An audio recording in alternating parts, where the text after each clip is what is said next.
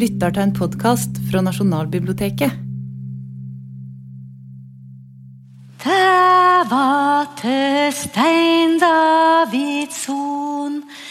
Det var kongens frende.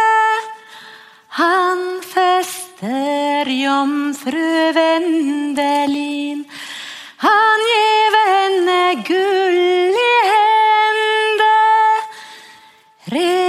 Reddaren vågar han livet sitt för den jomfru.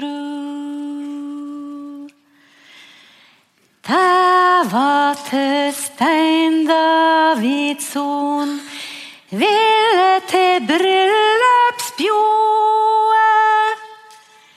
Det var folk vår. Han lette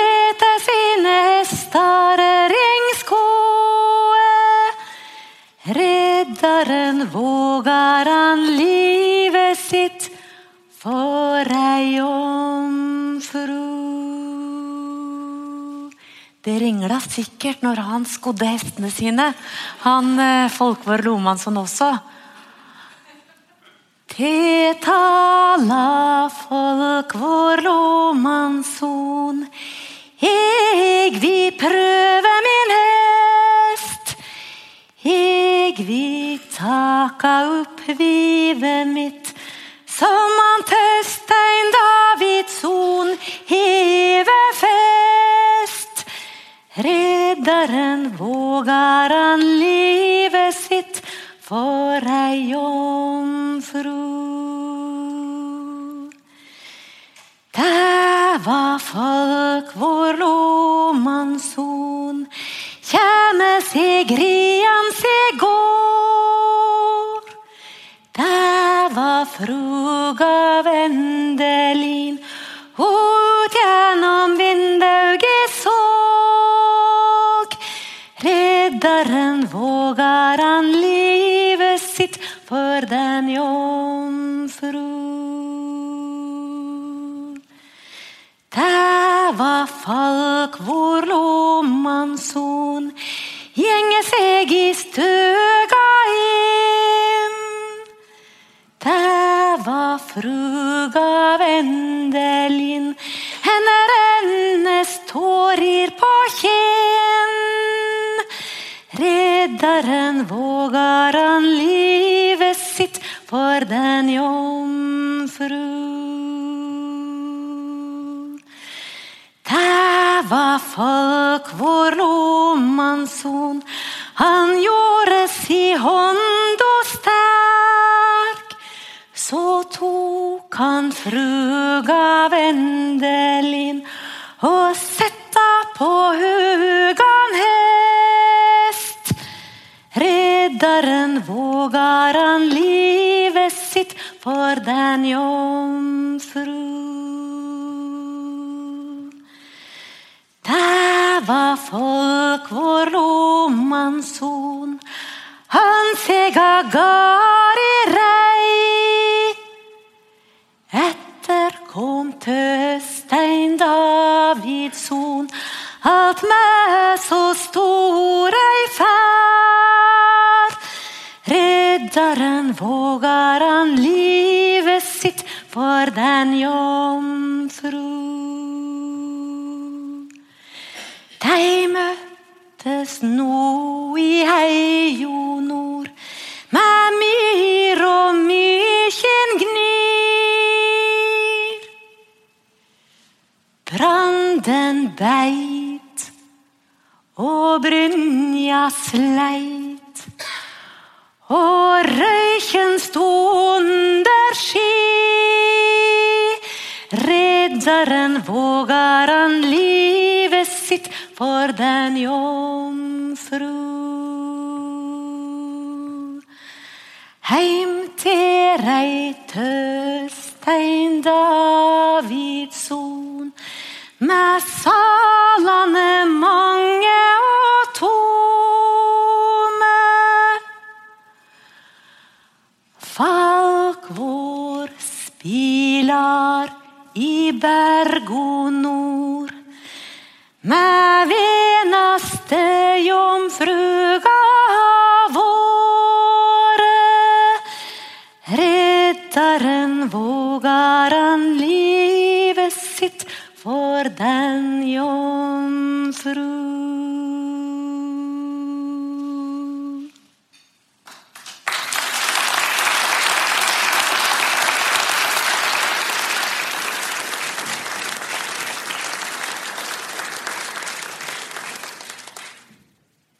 Det var Øyonn Groven Myhren. Uh, hun er en av de fremste tolkerne av de norske middelalderballadene. Jeg ba Øyonn spesielt om å synge akkurat denne balladen. Uh, og Det er altså balladen om Falkvoll sånn som dere hørte. Det er den eldste kjente balladen vi har. Middelalderballadene de kommer til Norge i hoffet i Bergen hos Håkon, far til Magnus Lagabøte, i den perioden vi akkurat har snakket om, som en del av den europeiske impulsen. Eh, vi vet det, at melodiene og den tradisjonen kom i den perioden, og så vet vi at de blir sunget helt fram til vår tid. Kråkevisa eh, er en middelalderballade, altså sanger som er sunget i Norge i 800 år, nesten 700-800 år. Men så er det vanskelig å vite hvem er de eldste, og hvordan var de før? Men akkurat denne balladen her vet vi noe om, fordi at den beskriver et bruderov. Det bruderovet skjer i året 1288. Da tar en svensk stormann På dette tidspunktet er Norge, Sverige og Danmark i stadig krig. Og En svensk stormann eh, som kalles eh, eh, Folke, Folke Algotsson, han stikker av med bruden til en dansk stormann. Eh, og de har akkurat vært i krig. Magnus eh, Ladelov Lade Takk. Eh, har eh, vært i krig internt i Sverige og med danskene alliert på begge lag. så det er, Dette er ikke bare et spørsmål om ei dame, det er også et stort spørsmål om, om allianser. Men når folket da har stukket av med bruden til en dansk stormann, hvor stikker han av? Til Bergen. Og havner i hoffet til hvem? Magnus Lagerbøtte. Så han er, og Dette er historisk kjent. Han er altså på hoffet, har gjemt seg der for å komme unna svenskekongen sin jurisdiksjon. Dette skjer på et gitt tidspunkt, omtrent parallelt med altså ti år etter at, at landsloven kommer. Eh, og denne balladen som Øyonn framførte, den vet vi at blir til på begynnelsen av 1300-tallet. Omtrent samtidig som kodeksen skrives ned. Så dere hørte nå faktisk så nært vi kan komme lyden og tonene som man kunne høre i Håkonshallen, i Bergen, i det noen leste høyt fra akkurat den kodeksen som ligger der ute. Er ikke det litt fantastisk?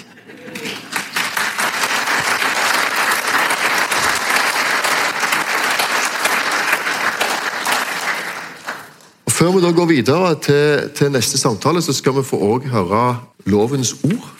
For siste gang i dag så skal Frank Kjosås få komme opp, og nå skal han lese eh, tyvebolken. Kapittel 1. Her begynner tyvebolken og handles om tyveri. 1.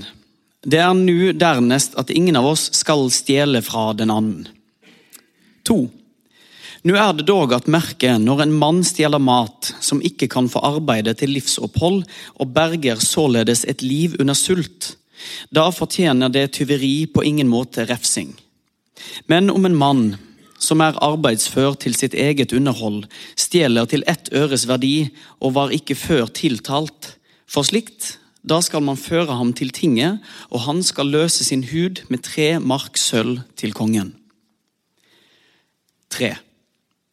Nå stjeler han en annen gang til ett øre, løser sin hud med seks mark sølv. Men om han ikke løser, mister sin hud og brennmerkes med en nøkkel på kinnen. Stjeler han en tredje gang til ett øre, mister huden, men kongen tar av hans gode gods seks mark sølv. Men om den samme stjeler oftere, da skal han drepes. Men om noen stjeler til en halvmark, fire øre veiet, en som ikke før var tiltalt for sådant, da skal han føres på tinget og løse han seg med åtte ørtuger og 13 mark sølv til kongen eller fare utlegg. Men om han stjeler oftere, da skal han drepes. Men om tyv stjeler ett mark, åtte ører, veiet første gang, da har han forbrutt alt sitt gods til kongen og har slik refsing som den mann legger på ham, som innehar den kongelige myndighet til rettferdig refsing, og dog beholder han livet. Fire. Nå om den samme mann oftere blir tiltalt for tyveri, da har han forbrutt land og løsøre og livet med. Tusen takk.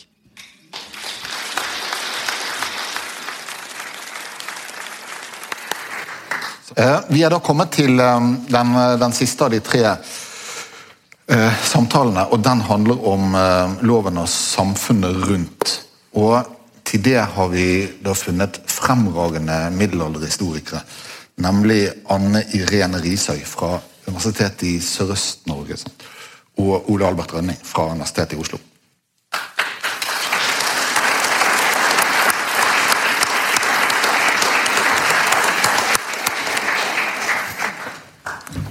Og Hvis vi skulle ta utgangspunkt i, eh, i det som eh, Frank Kjosås leste her, om hvordan man hanskes med, med folk som ikke bare stjeler, men som fortsetter å gjøre det. Hva kan vi si om, om det samfunnet som, eh, som disse lovene forteller om? Eh, Jeg tenker litt tilbake på, på det som, eh, som Jørn sa her. Det var vel den berømte bolk 3, som oftest paragraf 18. Dette her med at en skal vise litt miskunn, og ikke bare umiddelbart eh, tenke hevn og, eh, og ta igjen. For der er det jo helt klart at her, her får en jo faktisk eh, en sjanse. Altså Er du en fattig stakkar eh, som stjeler fordi du faktisk trenger den maten, så, så blir du jo altså behandla veldig mildt i, i forhold til det som var tankegangen før.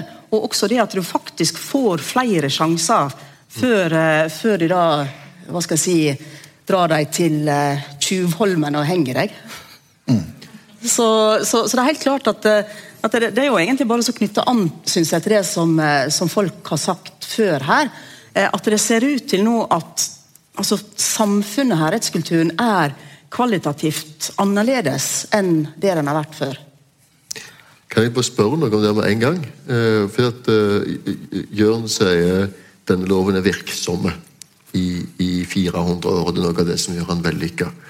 Men, men for dere, for deg og dere for Én ting er hva som står i lovboka, eh, og det høres fint ut. Det står, Ja. mye, det står mye fint i Bibelen, og det står mye trist i Bibelen. Og det varierer gjennom historien om det er det triste eller det fine man har praktisert. Det, det, det retten, Især i forhold til straff og miskunn og kjærligheten i hjertet som ligger her. Vet vi noe om rettspraksisen i denne perioden? Altså Ble da en fattig stakkar som stjal et brød eller fylte nevene med mat, faktisk sett på miskunn, eller eh, var, var praksisen i tråd med dette idealet? Altså Hvorvidt det var en fattig stakkar som det ble miskunn, visst miskunn mot, altså det er vanskelig å vite. fordi eh, altså Nå har jeg sett på, på seksuelle lovbrudd. Eh, og ifra hele middelalderen, eh, og dokumentene begynner da å poppe opp fra slutten av 1200-tallet, eh, så har jeg under 100 saker. Og Noen av de er bare beskrevet kanskje med en to-tre linjer.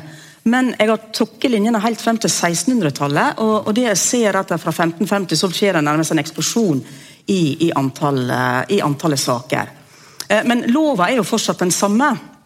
Det, det skjer ingenting nytt lovmessig. Så, så jeg har jo argumentert for at totalt sett så gir det mening å se da rettspraksisen si fra 1300 til 1600 under ett, og så kan en da gå inn og så trekke eh, en del eh, tråder og gjøre en del generaliseringer der.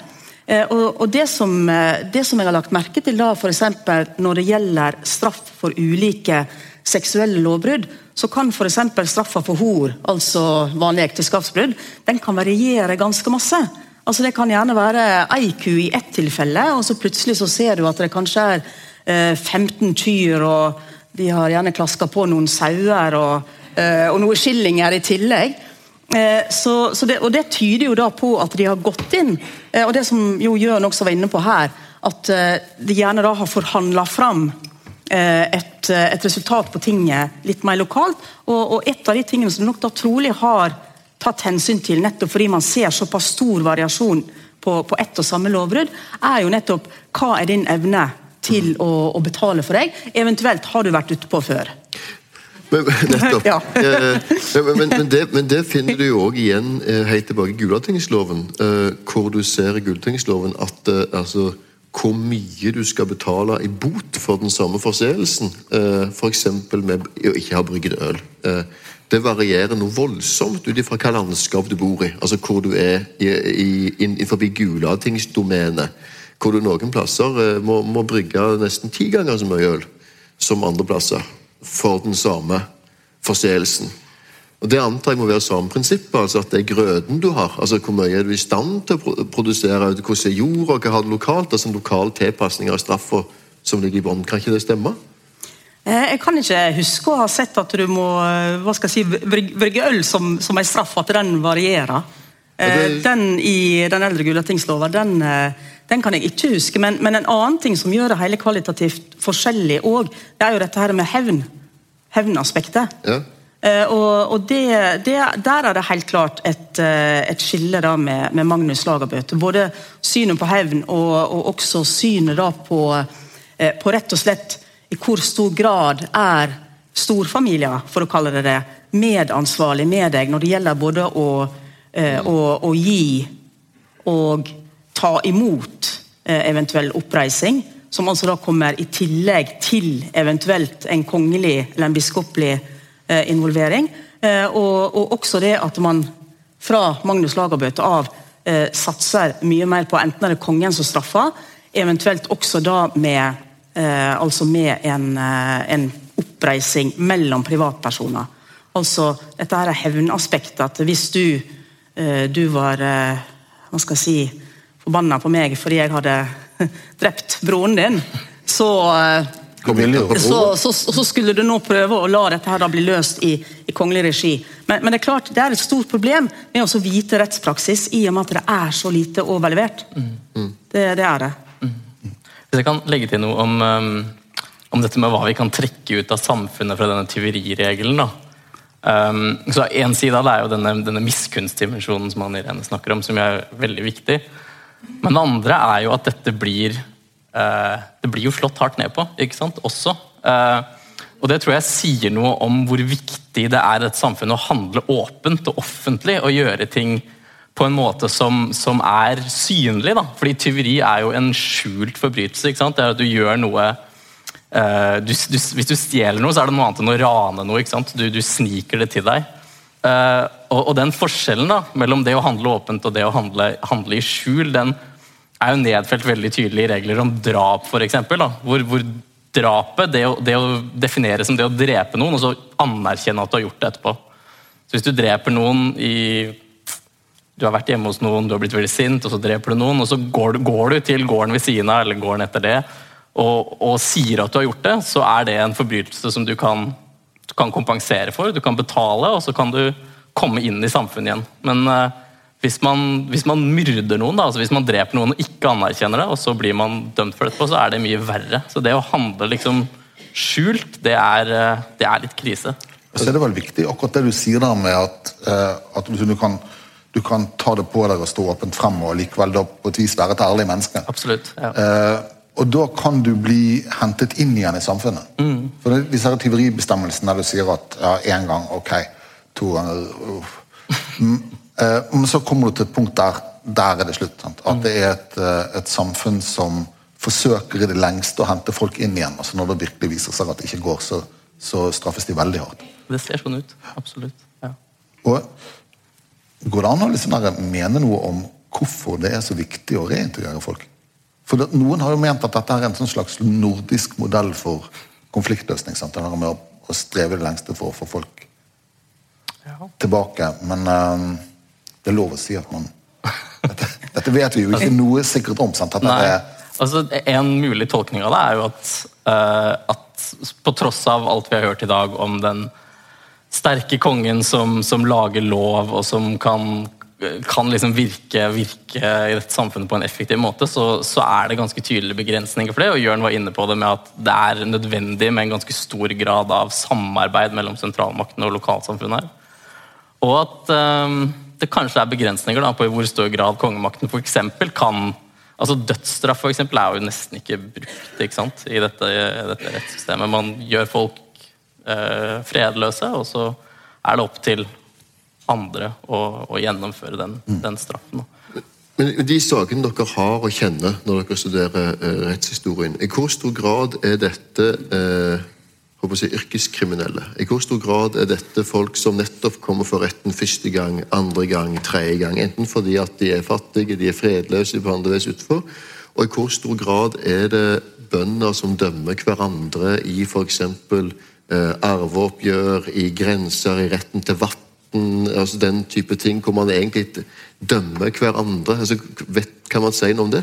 Eh, altså jeg tror at det, det, har litt å gjøre med, med type lovbrudd og hva vi har overlevert av dokumentasjon på ettertida. Eh, fordi veldig mange av de litt større sakene, altså hvis det var blitt begått eh, drap, hvis det var blitt begått eh, alvorlige seksuelle lovbrudd, f.eks. noen som hadde hatt seg med søskenbarnet sitt, Altså det, det, var helt klart, det var veldig alvorlige saker, og da måtte du gjerne ut med en veldig stor bot, siden du kanskje måtte betale en gård eller to. Og, og Da ble det gjerne skrevet noen skikkelige dokument, altså oppsett. Hvorfor hadde dette her eh, skjedd? Jo, Aslak hadde kanskje både gjort det ene og det andre og måtte møte på tinget for det. Mm. Eh, og Han måtte da ut med to gårder til kongens ombudsmann. Og Da var det jo veldig viktig å få skriftfesta dette her, for å bevise da at da hadde eiendomshjemmelen gått over til kongens, eh, kongens ombudsmann. Eh, og du kan si i de tilfellene der så er det faktisk mye større sjanse for at man da har overlevert noe skriftlig som kan fortelle om det til oss i dag, enn f.eks. typisk da en stakkar tyv som hadde stjålet og kanskje gjort det et par ganger til, og så blir du hengt. Og så er det kanskje ingenting du kan, du, du kan ta inn i, i bøter for den forbrytelsen. Og da vil ikke det gjenspeile seg i noe kildemateriale. Altså Det er ingen eiendommer du kan eh, dra over til kongen. Ergo så blir ikke det skrevet noe dokument. Så, så, så jeg tror typer saker her òg har eh, ganske mye å si for, for, hva er det vi kan vite hvis vi skal holde oss sånn rent til, eh, til rettspraksisen her i middelalderen. Og dokumentene vi har overlevert er jo også utelukkende, tror jeg. altså Dokumenter som er bevart ikke av en, et kongelig arkiv, men ut, altså ut på gårdene, ute i, ja. i, distriktene. Og Da er det for det første veldig usannsynlig at ting overlever, og for det andre så former det i veldig stor grad hva som overlever, som, eh, som Andi Rein sier. Mm. Der, og, og, Nå har vi snakket om måte, de sexy sakene. ikke sant? Vi har snakket om tyveri og drap, men hva er det nesten alle brevene handler om? De handler om land. ikke sant? Mm. Hvem eier hva?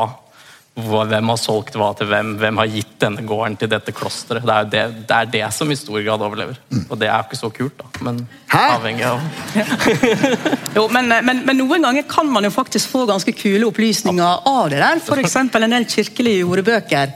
Du, du, har nå fått den evige rollen som, som biskopen her, Erling. Beklager, biskop Erling. Men, men, du sitter der med, med jordeboka di, og, og da kan jeg gå inn i dag og ta fatt i den. Og da kan jeg lese at uh, her kom det da inn uh, jordpart sånn og slik pga. at noen uh, da ikke hadde overholdt fastebestemmelsene. Andre kom inn til deg fordi noen hadde, hadde begått incest. altså Bare kanskje korte, korte antegnelser, men, men det, det, kan like fullt, sjøl i hva skal man si, litt sånn kjedelige eh, kjedelige lesestoff som jordbøker, så kan det der òg dukke opp litt sånn spennende informasjon. Jeg merker meg at du, at du, snakker om min jordbok, enda den mest berømte er jo Aslak. I tillegg så vil jeg bare til protokollen bemerke at, at, jeg er ikke enig i at de sexy sakene de som handler om incest og søskenekteskap Jeg syns de der eiendomssakene er de mest sexy, bare så det er sagt. Ja, ok. Ja. Men, eh, men, men, eh, men, hvis vi går til samfunnet rundt loven, altså rundt disse, disse som dere påpeker at vi har få rettsprotokoller og sånn sett ikke kan si så mye om eh, nøyaktig praksisen på ulike ting, så, så må vi allikevel si at dette er jo et lovverk som varer i 400 år. Og For liksom å sette opp en sånn tidslinje, så betyr det at det kommer altså fra høgmiddelalderen. Eh, fra et tidspunkt hvor, eh, hvor korstoget pågår, eh, og, er, og, og, hvor minnene om det vi kaller vikingtida ligger ganske tett på, og passerer gjennom svartedauden, gjennom reformasjonen, gjennom Karlmark, Kalmarunionen og inn i dansketida. Altså det, det er et enormt spenn av tid eh, mellom den første og det siste året, når, når eh, Kristian 15.s lov eh, norsk-danske lov overtar. Eh, vet vi noe om eh, hvor statisk lovpraksisen er i denne perioden? Altså Du sier at antageligvis kan vi anta og resonnere bakover, men vet vi noe om hvordan innbyggerne, folk i Norge, forholdt seg til loven? Er den så stabile som det kan se ut til, eller, eller er det andre ting man tar fram underveis? Andre paragrafer blir viktige, er det endringer osv.? Eh, altså det, det, er jo altså nettopp det du spør om nå. Det, det, er noe av det som har frustrert meg i hvert fall ganske masse når jeg har stått og lest gjennom eh, en god del rettsdokumenter. og det er at du har jeg vet ikke om jeg noen gang har sett liksom en eksakt referanse til loven. fordi Det er jo det vi, vi er vant med i, fra rettssaker i dag. at Da ser man gjerne referanse til lov sånn og slik, og paragraf ditt og datt kom til anvendelse i det og det tilfellet. Eh, men, eh, men den type liksom konkrete referanser inn f.eks. Mot, eh, mot landslova eller mot en kristenrett, det er Dessverre så, så, er det ikke der. Men, men det, du, det, du, på en måte kan Du kan i hvert fall indirekte se at det er trolig da, altså at det er landslov eller landslova sin, sin tenkning som har eh, kommet til, eh, til anvendelse. Mm. Mm. Så, så, jeg vil heller si det litt mer rundt. Et annet mulig poeng altså, som ikke går akkurat på hvordan man bruker disse reglene, men på hvorfor de varer så lenge, er jo at dette også er et samfunn som har en veldig tydelig idé, i hvert fall til en viss grad, om at bra lov er gammel lov. Mm. Altså, så det som, det som liksom, Sånn ting skal være, er i hvert fall en viss grad sånn som det alltid har vært. Da. Og Dette ser man for når det er bondeopprør i senmiddelalderen på 1400-1500-tallet, så refererer man eksplisitt til at, til at kongene for eksempel, har forbrutt seg mot Sankt Olavs lov og, og, og gammel sedvane. Da. Mm. Så denne ideen om at Og, og, og dette er jo mm. uh, Dette er jo liksom bondeeliten, ikke sant? De, de, rikeste, beste, kalte de seg selv, bøndene i, i et lokalsamfunn, som, som, er vant til å delta i dette systemet sånn som det er uh, konstruert. Da, men Olav, betyr det? Men speiler det da òg en, eh, en stabil om ikke samfunnsstruktur, for at overbygningen apropos Erling, endrer seg jo mye i denne perioden. Eh, og for så vidt òg de materielle vilkårene gjennom svartedauden, som selvsagt eh, om, omkalfatrer veldig mye. Reformasjonen kommer inn og endrer mye. Men er det likevel sånn at bondelivet og bondesamfunnet er relativt stabilt innenfor det samme i denne perioden, som gjør at gammel lov kan virke? Altså at, at, at man har gang Sånn har det vært fra gammelt av. Sånn har det alltid vært for farmen og farmen før det og farmen før det og hans far før det, og sånn skal det være videre. Det må jo forutsette at livet ligner, må det ikke det? Jo, det ligner. Jeg vil jo ikke, Nå er jeg ikke en sånn materialist da, som vil si at alt handler om det, men jeg tror at, jeg tror at en, en, det til en, i stor grad er riktig. Da, at det er en del sånn grunnleggende forutsetninger som ligger til dette. og at altså, Denne, denne bondeeliten som fins i høymiddelalderen og senmiddelalderen, blir jo ikke borte på noe vis. Men er det ikke også sånn at altså, mye av det som har vært, vært sagt, i hvert fall her nå, da, den siste, siste omgangen her, er at eh, loven eh, viser ikke akkurat til den, og det er store lokale variasjoner, og det er mye slingringsmonn lokalt, mm. og du kan gjøre en hel del ting og, mm. eh, som, som, ikke direkte er foreskrevet i loven. Og, og Jørn snakket om, om, um, om hvordan denne her loven er eller Nei, Anna sant? Snakker, når hun snakker om kapitteloverskriftene at de blir mer og mer eh, tydelige på at de, er, eh, at de ser fremover. Sant? At hvis dette skulle skje mm. Så den er åpen mot fremtiden i noen grad, og så er den litt sånn omtrentlig, så gir den stort lokalt spillerom. Så det at den ikke er en trang trøye, betyr at du kan vokse igjen. At nettopp fordi den er litt sånn rund og omtrentlig, og kanskje til og med blir stadig mer rund omtrentlig etter hvert som den blir eldre, eh, kan fortsette å være et, et bindeledd, fordi at den, den, gir et rom å handle innenfor. Mm. Mm.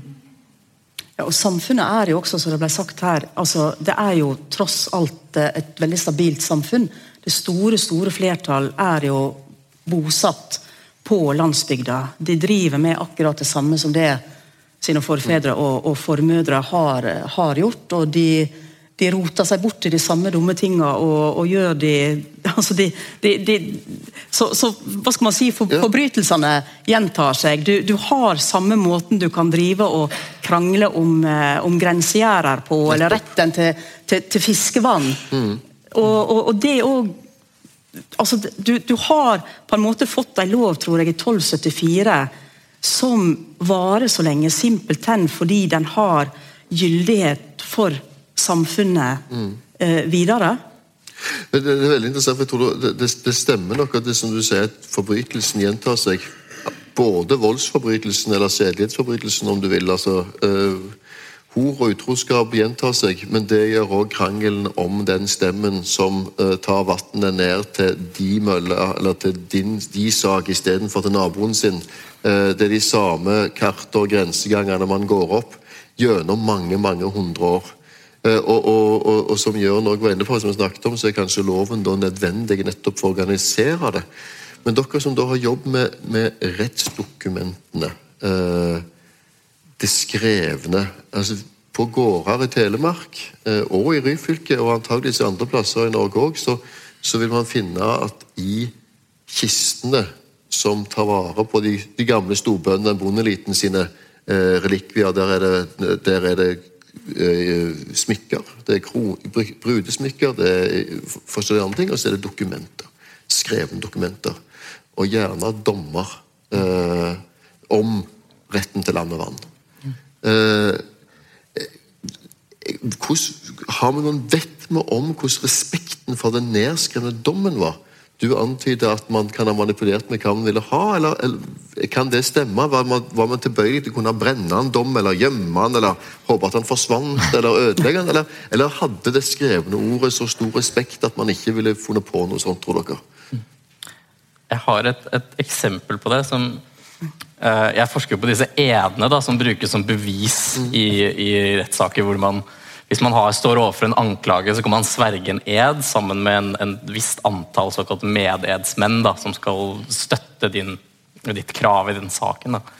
Um, og Det er et eksempel jeg tror det er fra slutten av 1300-tallet, hvor det er en mann som heter Olav, som har blitt uh, anklaget av to brødre om at han uh, forårsaket deres mors død da han ledet henne over en elv på en hest.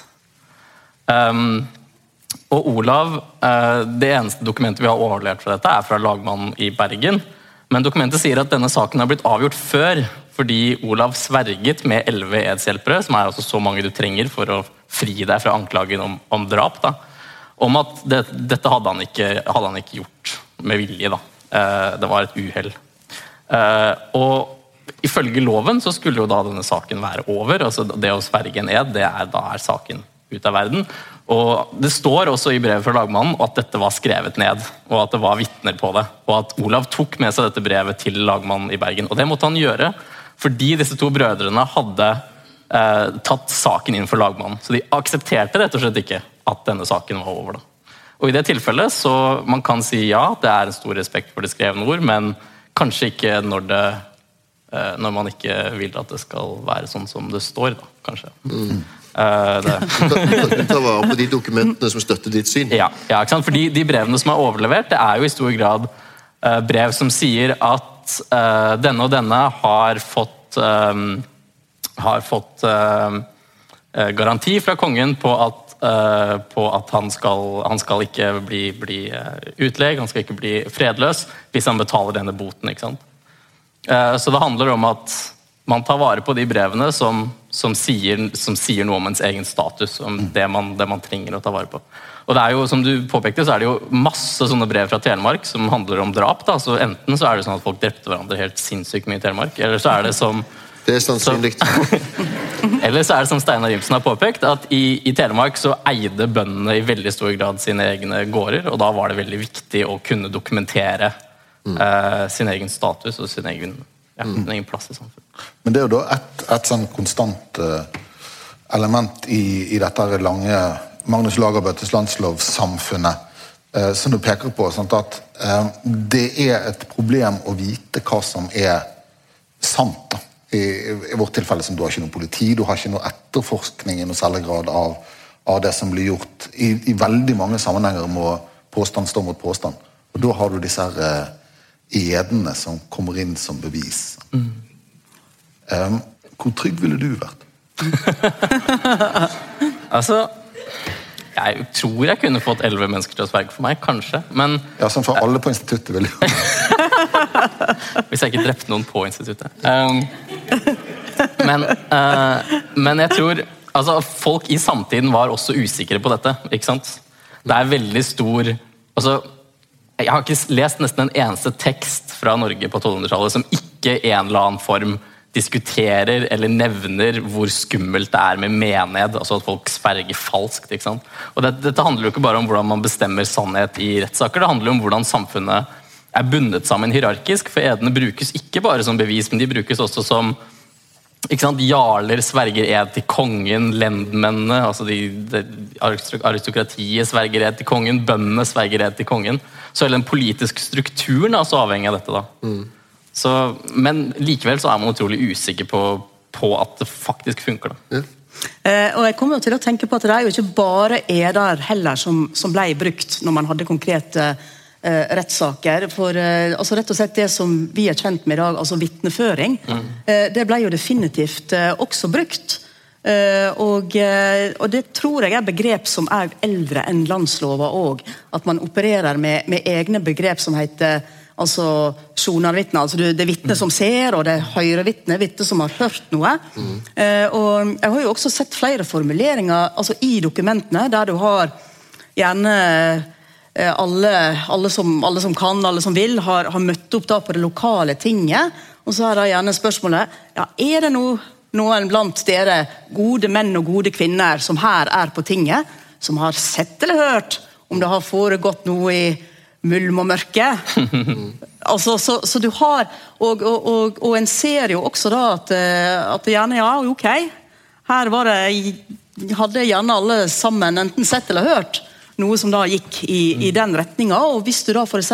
da ikke fikk for da menighetsmenn, eller du fikk noen ganger bruker de også borgensmenn, noen til å gå i borgen for deg, gå, bo, gå god for deg, mm. så, så, kunne du òg da risikere at eh, ja, løpet, løpet var kjørt. Mm. Så, så, hvis man skulle være eh, mindre lys til sinns enn en Jørn Øyrehagen Sunde, kunne man da om sant, og det er jo, Men det er jo vanskelig å være mer lys til sinns enn Jørn Øyrehagen Sunde. Men men sånn, på den ene siden så har du en lov som, som på en ny måte beskytter eh, svake grupper. Eh, og på den andre siden så har du et, et, system for konfliktløsning som styrker de som har solide nettverk. Absolutt. Mm. Absolutt. Mm. Mm. Eh, landsloven endrer jo også litt på dette, fordi i de tidligere landskapslovene så hadde det jo uh, vært mulig for å sverge disse edene i veldig stor grad med mennesker du selv valgte ut. Da. Og det blir jo litt borte med landsloven, hvor det i mye større grad er edshjelpere som, som, du ikke har fullstendig kontroll over. Så det blir moderert, dette elementet, men det er, det er absolutt et interessant element at, at, landsloven ikke kvitter seg med dette systemet på noen som helst vis. Men hvis vi skal hvis jeg skal prøve å spekulere litt, som Erling har lært meg at han har blitt beskyldt for å stå i løse lufta når han uh, spekulerer litt i historien og ikke har noe håndfest empiri unna der du ikke kan ha det. da, Men hvis du tenker det ed-systemet som dere beskriver her, og, og samtidig tvilen rundt ed-systemet, som, som, du påpeker er eldre enn en landsloven, og òg fins i dag. altså Fortsatt så vil du se en amerikansk film at de står og sverger på Bibelen og sier ja. I swear to God that I will tell the truth and nothing but the truth, osv. Altså, det er jo ikke, det, det er jo ikke borte vekk, sånn sett. Eh, det er jo eh, i kirka, når du gifter deg, så ble det inntil nylig òg spurt er det noen her som har, kan, vet, kan si noe som tyder på at de ikke skal få gifte seg. Som egentlig er det samme. Er det noen her som vet noe, som, som, kan gjøre noe med denne saken? Altså samme praksisen. Er ikke noe av forskjellen her hva er det som autoriserer eden? Altså I, i førkristen tid så er det, er det etter eh, og æren eh, rundt den. Hvis du har kongemakt, så er det kongen, som jo egentlig kongemakta, som sørger for at du som, som lensherre faktisk oppholder løftet ditt til kongen. Mm. Og det er de makt som igjen sørger for det. Eh, at, eh, at dine leilendinger faktisk leverer skatten og oppfører seg. Mm. Mens her med Magnus Lagvods Danslov, nå spør jeg egentlig bare litt langt, innfører en jo òg Gud, eh, som også har kommet inn i Gulatingsloven. Altså man sverger til Gud. Hvor redde var folk for Gud? Altså Hvis du kom til helvete og trodde at du kom til helvete for å bryte eden din, så satt menigheten langt inne. Hvis du ikke tok det spesielt seriøst, så var det lettere å like, antar jeg. Altså, så Er ikke det en faktor her? Og, altså det, det ser en jo helt klart det var også i det førkristne samfunnet. Eh, fordi man har overlevert en del skildringer av vikinger som kom i kontakt med kristne kulturer. Og, og noen ganger så var det da nødvendig å, å, og, rett og slett Sverige er der, og der vikingene da fikk sverge på rett og slett på sine sverd og sine guder. Eh, og, og Der er det formuleringer som, som, rett og slett da helt konkret går ut på at hvis jeg nå sverger falskt eller bryter eden min, så må sverdet mitt ramme meg. Eh, så må skipet mitt ikke hjelpe meg når, hjelpe meg når jeg trenger det. Eh, og, må, og også til dels altså påkalling av guden ned i flertall. Og, og, det er helt klart Når du da kommer inn i kristen tid, når, når du da sverger på boka, altså på, på Bibelen, eller du, du, sverger på korset, så har du jo da påkalt på en måte da de, de aller viktigste nye symbolene. altså kristne symbolene. Mm. Eh, og, og, når du da virkelig begynner å tro på Gud, og da får Guds frede hengende over deg òg, så eh, Ja. Jeg, jeg vil anta at hvis jeg sjøl virkelig trodde, så, så, ville nok den da sitte litt langt inne og, eh, og begå en, eh, en medier. Mm. Dette er jo så viktig i frostatingsloven, denne viktigheten av å sverge på det som er hellig. Altså Der skal man sverge på, på en hellig bok, og man skal sverge på en Eh, en, en salmebok hvis man sverger i tyverisaker f.eks. Og så kan man sverge på en, det den kaller for en messebok, tror jeg, altså, som antagelig er Det Nye testamentet, eller i hvert fall deler av det. Hvis man sverger i, i drapssaker, da skal man stå nærmere alteret. Men så har den også en sånn utrolig interessant passasje om at hvis presten ikke slipper, slipper dem inn i kirken, så de kan sverge der, så kan de bare sverge på døra på utsiden. Så så viktig er det altså at, man, at man tar seg liksom rett til å bare bruke de hellige, det hellige materien når man trenger den. Mm. Kan jeg få spørre deg om noe, Erling? Ja. Hvis jeg husker, kan, så, så, har vel egentlig du drevet og skrevet sånn doktorgrad og sånn eh, om eh, kriminelle og vold ja. i samfunnet som kommer rett etter landsloven, stemmer ikke det? i overgangen? Ja, eller sånn som, vi, sånn som vi har definert det nå, da, så er det jo innenfor. Fordi Jørn sa jo da at, at eh, Magnus Lagerbøttes landslov gjaldt til 1687. Mm. Men det kommer jo en ny lov i 1604, sant, som er Kristian 4.s norske lov, som er en legendarisk dårlig oversettelse av landslov. Ja. Rett og slett en eh, skikkelig, altså Hvis det er noen medlemmer av Norsk Oversetterforening her, så er det godt dere er organiserte. For det arbeidet som ble gjort den gangen, det var ikke faglært. Var, men, men, men, men for å spørre deg om det òg, fordi at du har da jobba med voldskriminalitet spesielt i bondesamfunnet i Norge i denne perioden på slutten av virketida.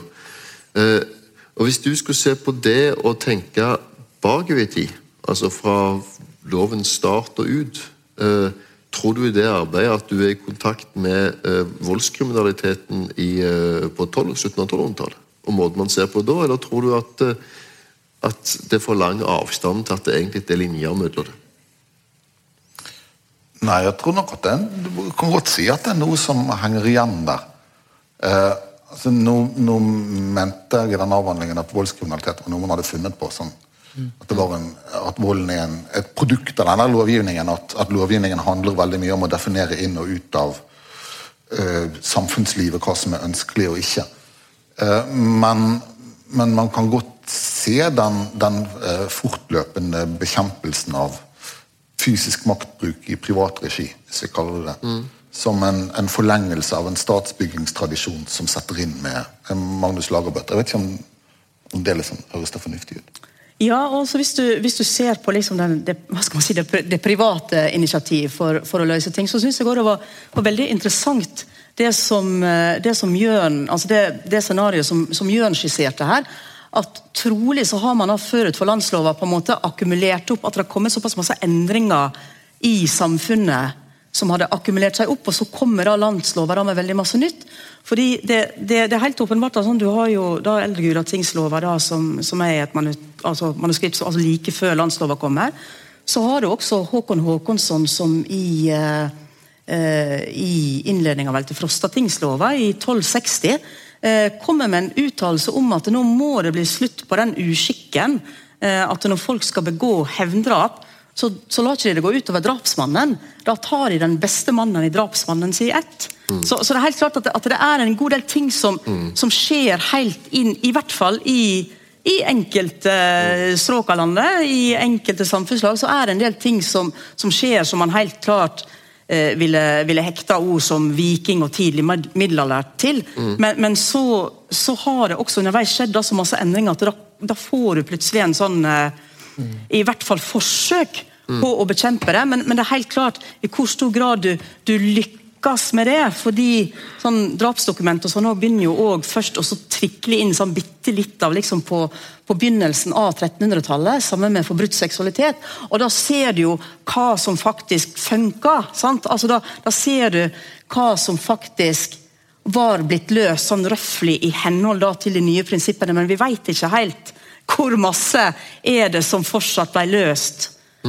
Altså på, på gammel måte, da. Ja, Og det, det, ja. Vi vet ikke, men vi kan se for oss at det som, som du beskriver her, altså den type voldskriminalitet som ikke tillater hevndrap, det vet vi at det ikke kom inn, og at det er et, et samfunnsproblem, og at det er også de, som jeg sier, den store mengden fattige som kommer til ting, at det innfører en del prinsipper som kommer fra kanonisk rett, som kommer fra, fra andre steder, som er grunnleggende annerledes enn det en har sett før. Men at de prinsippene igjen kan gjenfinnes når Erling går ned og kikker på, på hvordan man definerer vold på 1600-tallet, så ligger de der ennå. Altså at de har, har, har fulgt det ut, mens det er andre prinsipper som, som er ute. Men eh, vi har brukt opp tida vår. Men jeg lurer på om jeg kan spørre deg om, om en ting til likevel.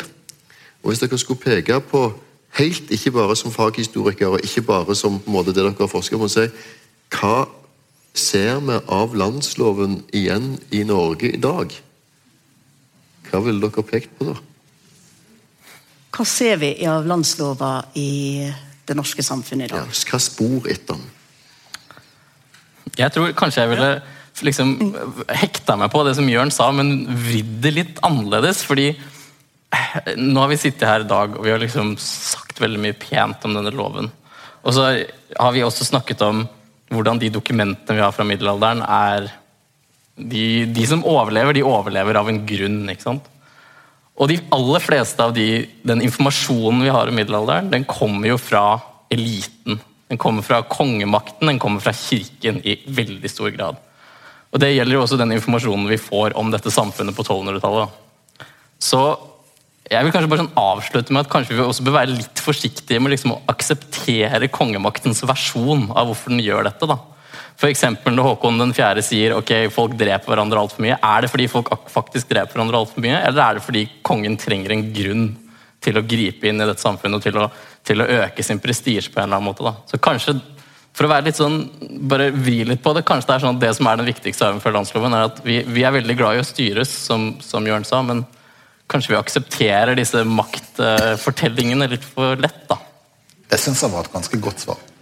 Jeg kjente at jeg var klar for replikk, det tror jeg gjør noe, men det, vi har brukt opp tida vår. Anne Irene? Nei, det, altså selvfølgelig. Det er det vi har fra 1200-tallet, er jo som du sier ifra eh, det, det er kirke og, og kongemakt som, som vi har det. Men, men samtidig så ser en jo når han kommer utover i seinmiddelalderen òg, at det helt klart også er at vi da får et innblikk også i en god del altså vanlige, vanlige menneskers liv, rett og slett.